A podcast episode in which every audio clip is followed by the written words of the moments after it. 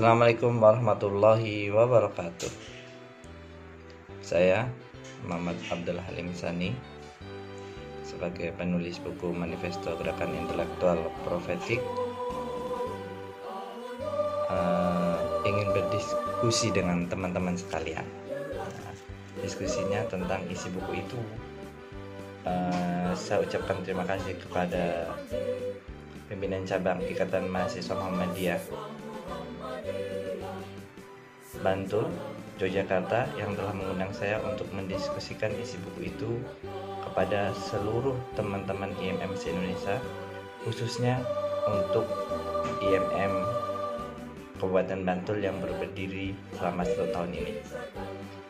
Kepada teman-teman IMM Bantul di era wabahnya uh, penyebaran COVID-19 ini uh, apa yang dilakukan yakni kerja-kerja intelektual yang sifatnya dunia maya dunia maya dari dunia virtual yang kita tidak bisa bertatap muka secara langsung tapi mudah-mudahan uh, apa yang kita lakukan memperoleh hasil maksimal dan diridhoi oleh Allah. Oke, teman-teman, kita lanjutkan diskusi kita kali ini membahas tentang buku Manifesto Gerakan Intelektual Profetik. Buku itu sebetulnya untuk teman-teman. Kenapa untuk teman-teman? Karena saya menulis buku itu sebagai kenang-kenangan agar teman-teman mengenal nilai-nilai IMM minimal secara filosofis dan paradigmatik. Gerakan yang uh, Nilai-nilai tersebut akan menjadi sebuah gerakan jika diaplikasikan dalam kehidupan. Uh, buku itu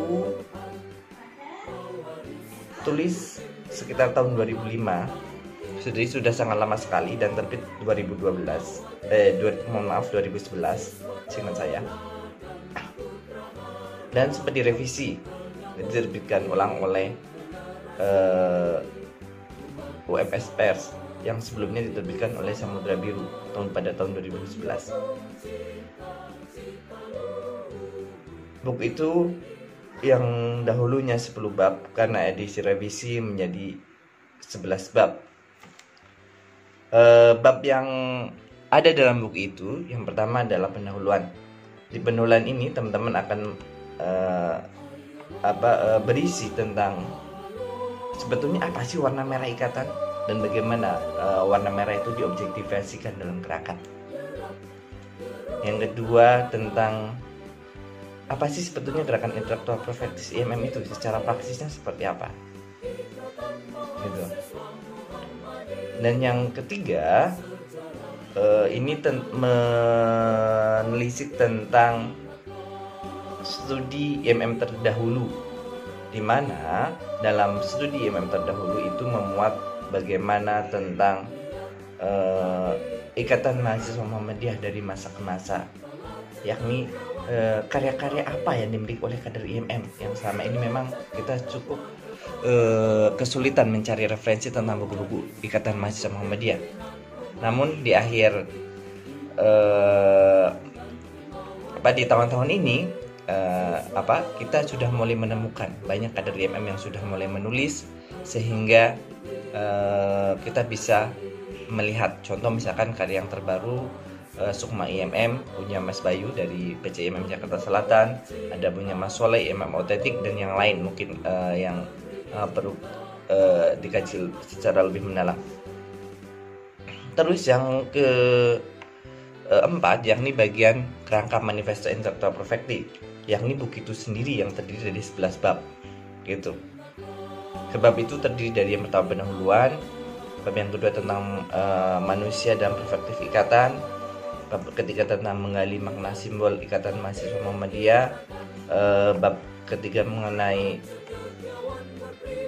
tadi ya menga, uh, bab kedua mengenai manusia dan perspektif ikatan, bab ketiga menggali tentang makna uh, ikatan dan interpretasi terhadap simbol. Terus bagaimana kita sebetulnya menafsirkan apa sih sebetulnya simbol MM dan menjadi sebuah gerakan dan bab bab keempat mohon maaf ya yakni mewujudkan kader ikatan atau mungkin bagaimana sih sebetulnya profil kader IMM itu sendiri dan uh, sehingga dari profil ini memiliki ciri khas IMM gitu. Terusannya yang kelima membahas tentang realitas sekarang.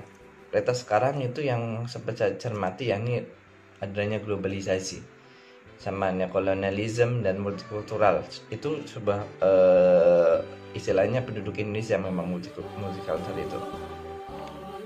Bab keenam membahas tentang realitas Muhammadiyah.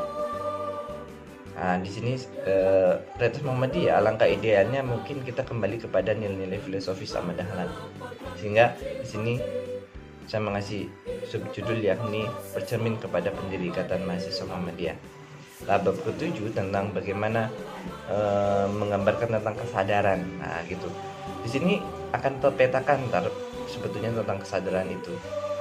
Apakah kesadaran kita itu hak mengadopsi dari teorinya Paulo Freire yakni tentang naival consciousness, magical consciousness, dan critical consciousness. Nah, tapi kita memiliki nilai kesadaran sendiri ini prophetical consciousness. Nah, seperti apakah prophetical consciousness? Nah, kita akan bahas di bab ketujuh itu itu ya. Bab yang ke-8 uh, ada tentang bagaimana metodologi gerakan intelektual profetik itu. Itu jadi bagaimana kerja intelektual profetik cara-cara yang dilakukan sebagai seorang intelektual profetik dan melakukan proses perubahan sosial. Itu adalah trisi dari bab 8 itu. Dan bab 9 tentang etos. Jadi seorang intelektual profetik itu memiliki uh, nilai yang khusus atau ciri khas. Dan itu sudah menjadi habit kalau katanya. Pierre Bourdieu Pierre Bourdieu di sini sehingga etos itu menjadi sebuah kebudayaan. Nah, gitu.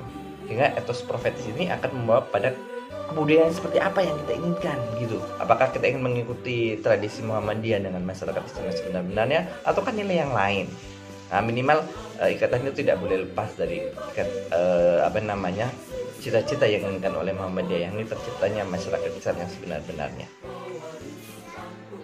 Yang sepuluh bab tentang ke sepuluh yang ini tentang bagaimana ilmu-ilmu sosial yang harus uh, ilmu-ilmu sosial yang dilakukan uh, istilah ilmu sosial yang dimiliki oleh seorang intelektual profetik. Nah, dalam ilmu sosial itu, teman-teman minimal memiliki tradisi tentang ilmu sosial yang berkembang di era sekarang yang itu sosial uh, positifistik, konstruktif sama kritis. Ah, gitu. Daerah kritis ini maka bisa melahirkan bagaimana mewujudkan tentang ilmu sosial profetik yang seperti apa gitu. Bahkan sudah mulai ditulis tentang uh, teori uh, ilmu sosial profetik. Sebetulnya Prof. Kunto sudah sudah uh, sudah uh, istilah saya itu sudah apa ya sudah uh, memberikan embrio bagaimana tentang lahirnya ilmu sosial profetik. Bahkan ada yang menulis tentang sosiologi profetik gitu itu di tahun, tahun 2005 yang terakhir tentang falsafah pergerakan gitu. Mohon maaf ya bukan yang terakhir. Ini bab yang ke, ke 11 tentang falsafah pergerakan. Dalam falsafah pergerakan ini bagaimana uh, nilai filosofis dari gerakan ikatan mahasiswa Muhammadiyah itu sendiri gitu. Uh, di sini menjelaskan tentang bagaimana uh, sebetulnya ikatan mahasiswa Muhammadiyah itu nilai gerakannya seperti apa gitu saya memunculkan di sini adalah tentang jati diri organisasi gitu. Jati diri organisasi. Yang ingin menunjukkan sebagai bahwa kita adalah sebagai organisasi bergerakan yang harus sifatnya aktif. Terusannya merespon terhadap kebijakan pemerintah gitu ya. Merespon ini ada dua cara menolak ataupun berkolaborasi gitu. Menang dengan cara-cara intelektual untuk otomatis berkolaborasi juga sama dengan cara-cara intelektual. Sehingga bukan hanya uh, apa namanya demonstrasi gitu. Dan yang kedua, ciri khas dari organisasi kita adalah organisasi kader. Lah organisasi kader inilah ciri-ciri organisasi yang berpikir jangka panjang, yakni tradisi keilmuan. Nah, gitu. Tradisi keilmuan itu harus dimiliki oleh ikatan karena kita adalah tujuannya adalah akademisi Islam yang berakhlak mulia. Gitu. Nah, itu diwujudkan dalam uh, realitas yang tadi gitu loh, yang ada dalam uh, globalisme dan multikulturalisme itu tadi bagaimana mewujudkan falsafah gerakan ikatan itu mahasiswa Muhammadiyah itu. Nah sehingga tercerminlah di sini ntar sosiologi gerakan. Nah di sosiologi gerakan muncullah bahwa kita bergerak ke semua lini yang memunculkan diaspora. Itu kenapa diaspora? Kita bahas nah, di bab ke-11 secara lebih mendalam. Nah yang bab terakhir yang ke-12 kalau nggak salah itu tentang bagaimana bentuk transformasi yang kita inginkan itu. Nah transformasi property itu yang seperti apa? Awal karena itu teman-teman juga memahami teori transformasi sosial. Dalam bentuk uh, ilmu sosial positivistik kalau di sini kita mencontohkan transformasinya sosial. Durkheimian ataupun Weberian ataupun Marxian. Nah kita mencoba mengkombinasi itu sehingga muncullah transformasi profetis itu yang seperti apa Nah dari transformasi profetis itu dan muncullah haru ummah. Nah, haru ummah itu adalah cita-cita cita-cita ikatan mahasiswa Muhammadiyah dan seperti apa. Dan yang paling terakhir itu adalah muncullah lampiran-lampiran. Nah di sini teman-teman akan bahas tentang ilmu sosial perbedaannya seperti apa, bagiannya antara positivistik, interpretatif sama kritisisme teman-teman bisa lihat sendiri lah di bagian tampilan pertama. Lampiran itu tentang bagaimana kesadaran. Apa sih yang membedakan kesadaran? Uh, magical consciousness, naive consciousness sama critical consciousness atau prophetical consciousness. Itu yang, berbeda dengan nilai sebenarnya friend. Lalu lampiran yang ketiga itu berisi tentang bagian dari intelektual profetik upaya memberikan perubahan terhadap peradaban nah itu adalah tugas kita semua teman-teman. Itu pendahuluan dari buku Manifesto Intellectual Prophetic sama berdis. Eh, kira-kira itu yang kita apa bisa lakukan. Yang selanjutnya yakni tentang eh, apa namanya manusia dalam perspektif ikatan ketika membicarakan manusia itu adalah persoalan yang sangat istilahnya klasik. Di samping klasik juga uh, apa istilahnya debatable ya. Dikenal apa yang debatable karena memang tidak pernah namanya membahas tentang manusia itu tidak pernah uh, usang. Selalu ingin dikaji-kaji. Tapi ya itu aja yang sebetulnya dikaji. Sehingga kita harus punya ciri khas manusia definisi manusia dalam perspektif IMM itu sendiri gitu sehingga apa? Sehingga kita memiliki kesadaran yang berbeda gitu karena apa? Karena manusia itu sebuah makhluk yang sangat mulia. Itu terjelas dalam firman Allah dalam surat At-Tin.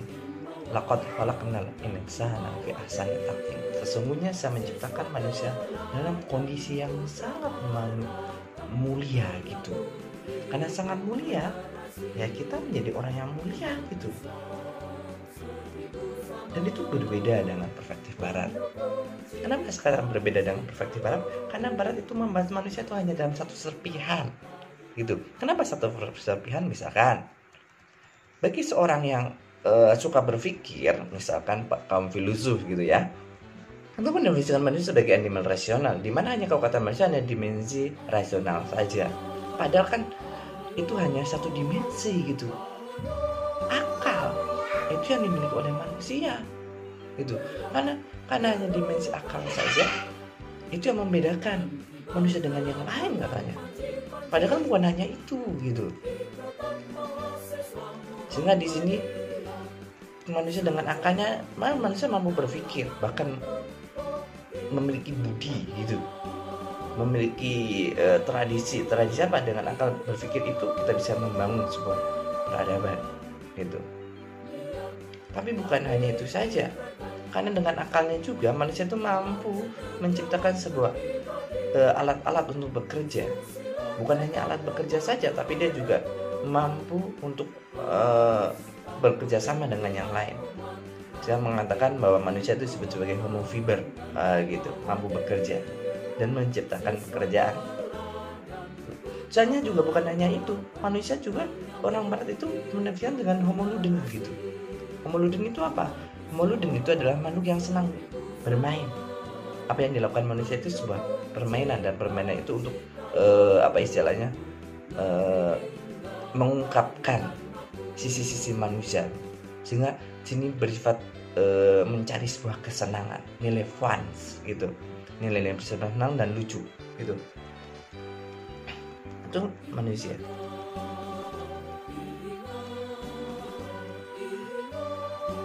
Oke, yang selanjutnya tentang manusia.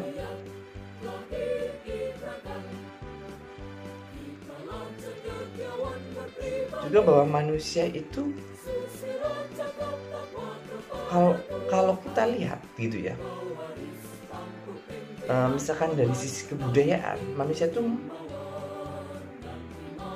makhluk yang sangat unik gitu. Kenapa saya katakan unik? Karena dia itu bisa membentuk kebudayaan juga manusia itu bisa terwarnai oleh kebudayaan itu sendiri gitu lah membentuk kebudayaan itu dengan cara mengeksternalisasi nilai-nilai yang dia inginkan sehingga dia bisa menggagas sebuah kebudayaan yang kita inginkan. Contoh, misalkan ketika kita memiliki sebuah perangkat nilai, misalkan nilai kebaikan dan kita menularkan kebaikan dengan orang lain, itu yang disebut dengan uh, istilahnya mengeksternalisasi atau menularkan kebaikan itu adalah sebuah cara untuk bagaimana membentuk kebudayaan. Nah, gitu. Tapi manusia juga tadi yang bisa hal ini itu terbentuk dari kebudayaan. Karena kenapa terbentuk dari kebudayaan?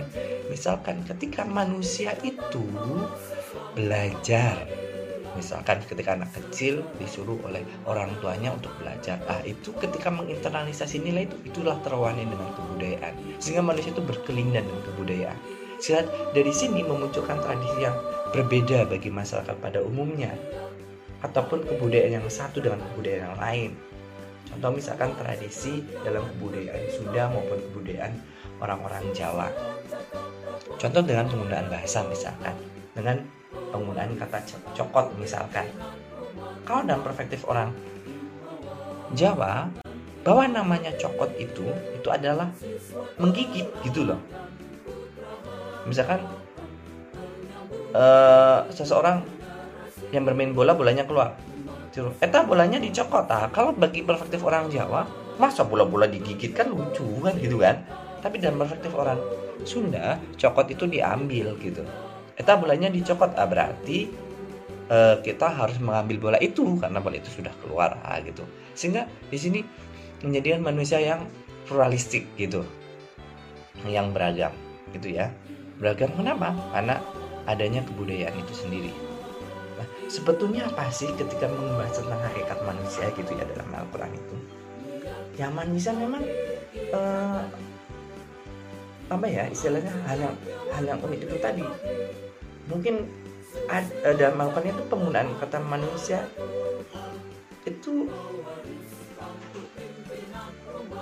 ada tiga macam gitu. Yang pertama itu menggunakan alif nun dan sin seperti insan ins nas dan unas itu.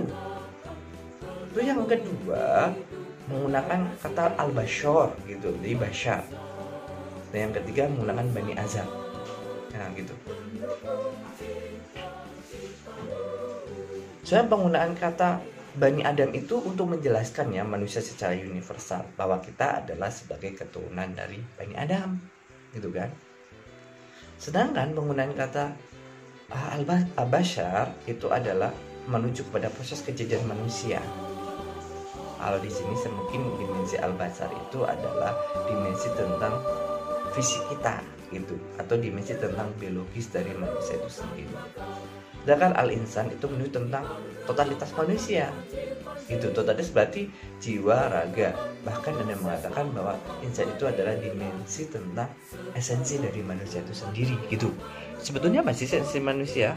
Ya manusia ada dua unsur di sini. Unsur dia dan unsur rohania itu karena unsur dia dan rohania manusia keseluruhan unsur, keseluruhan unsur itu. Tapi yang esensi yang paling mendasar itu apa? Yang paling mendasar adalah kita adalah unsur rohania karena kita adalah makhluk rohani yang ada di jasa dia. Gitu itu kata Rumi seperti itu. Sehingga kita harus memaksimalkan dimensi rohani kita bukan dimensi jasa dia kita. Kalau kita memaksimalkan dimensi jasa dia kita eh, berarti yang ada adalah dimensi al itu yakni kebutuhan biologis gitu. Nah, ketika kita bisa mampu memaksimalkan dimensi rohani kita, lah itulah dari dimensi rohani dan kita berkumpul dengan makhluk-makhluk rohani yang utama itu. Nah, itu ya teman-teman ya. Gitu.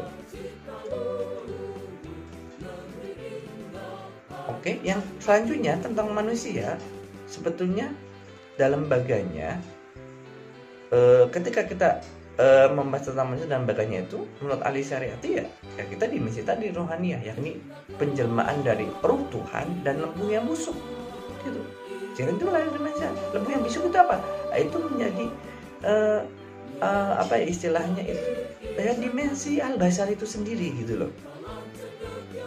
Ya, ketidaksempurnaan sedangkan rohania adalah dimensi energi yang aktif gitu loh. Aktif untuk apa? Untuk berkreasi dan inovasi gitu.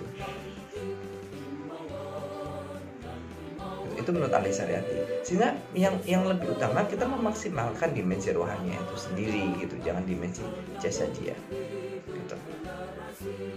yang kita menjadi dimensi yang terbatas nah, itu kata Ali Syariati seperti itu terus ketika kita lihat ya sebenarnya dalam uh, bagian tentang manusia nah, itu ada sebetulnya antara eksis, ya, eksistensi dan eksistensi manusia itu ada ada lima unsur itu. Yang pertama adalah dimensi al-insan. Itu eksistensinya. Dimensi al-insan itu apa? Dimensi yang kita itu rasa ingin tahu gitu. Berarti dimensi yang selalu belajar bahwa manusia itu harus aktif untuk mencari pengetahuan dan mencari sebuah ilmu sehingga ilmu itu makin bermanfaat. Maksudnya adalah uh, al-basar yaitu dimensi haus dan rasa uh, dingin. Ini adalah kebutuhan biologis Kemudian ada dimensi Abdullah yang berserat berterima kasih kepada Allah dan dimensi Anas yakni adalah uh, dimensi yang di mana kita itu ya kadang tidak tahan dengan kesendirian. Karena tidak tahan dengan kesendirian maka manusia itu secara fitrahnya adalah bersama-sama nah gitu. Hidup sosial selalu bersama. Nggak bisa hidup sendirian. Gitu ya. Nah ketika bisa memaksimalkan dimensi keempat dimensi ini maka muncullah bahwa kita adalah sebagai khalifah. Khalifah itu adalah dimensi bagaimana kita untuk uh, apa ya istilahnya ya uh, bisa memanajemen diri sendiri itu ketika bisa memanajemen diri sendiri kita bisa memanajemen orang lain. Nah ini ada dimensi tentang estetika yang ini dimensi tentang kepemimpinan dimensi tentang bagaimana seni untuk mengatur orang lain. Itu itu ketika semua dimensi itu oh tadi yang mohon maaf yang lupa yang misalnya adalah kita ada dimensi Abdullah yang ini apa? Bahwa kita adalah makhluk yang bertuhan itu. Nah karena makhluk yang bertuhan kita setelah uh, sebagai orang Islam otomatis kita mengamalkan nilai-nilai ajaran kita sehingga mampu menggali nilai spirit keagamaan itu atau dimensi religiusitas itu. Dengan religi itu kita menjadi lebih baik dengan yang lain rasa ingin bersyukur kepada Allah, bagaimana kita beribadah kepada Allah dan yang lain itu. Nah, ketika memaksimalkan itulah tadi ya kita bisa menjadi khalifah fil itu. Nah, ini bagaimana di sini manusia itu sebagai makhluk yang merdeka gitu ya memberikan pembebasan pemberdayaan kepada yang lain dan mereka apa tuh nabilah yang ini apa mendekatkan diri kepada Allah itu ya, merubah sejarah untuk beribadah kepada Allah, memberikan kebaikan dalam rangka kita dekat sama Allah itu. Itu yang diinginkan itu. Nah, baru di situ kita akan menjadi seorang khalifah di muka bumi itu. Istilahnya adalah menegakkan nilai-nilai Tuhan atau menciptakan surga di dunia. Nah, gitulah. Itu adalah gambaran manusia itu tersendiri. Gitu ya ketika bisa memaksimalkan nilai-nilai tersebut. Nah sehingga tujuan uh, apa ya tujuan dalam uh, manusia dalam perspektif ikatan itu bukan hanya memenuhi kebutuhan biologis. Gitu. Ataupun kebutuhan intelektual. Ataupun kebutuhan beribadah saja sebagaimana orang-orang sufi. Tapi kita adalah bertindak kemanusiaan sebagai wasilah, sebagai cara untuk untuk apa e, istilah saya untuk beribadah kepada Allah. Itu ya. Jadi spiritual kita menjadi spiritual yang utuh dalam rangka untuk beribadah kepada Allah itu sendiri. Atau di sini manusia dalam perfect pandangan ikatan saya bacakannya adalah manusia memiliki kesadaran kenabian melakukan transformasi sesuai dengan kompetensinya masing-masing. Jadi apa? Sesuai dengan bidangnya, sesuai dengan keahliannya. Gitu. Manusia ini uh, berubah eksisten menjadi khalifah fil art sehingga mampu uh, menjadi karakter insanul kamil yang terhadap sesama maupun terhadap alam. Mungkin itu dulu pembahasan diskusi kali ini. Kita lanjutkan dan bab selanjutnya. Oke, terima kasih. Assalamualaikum warahmatullahi wabarakatuh.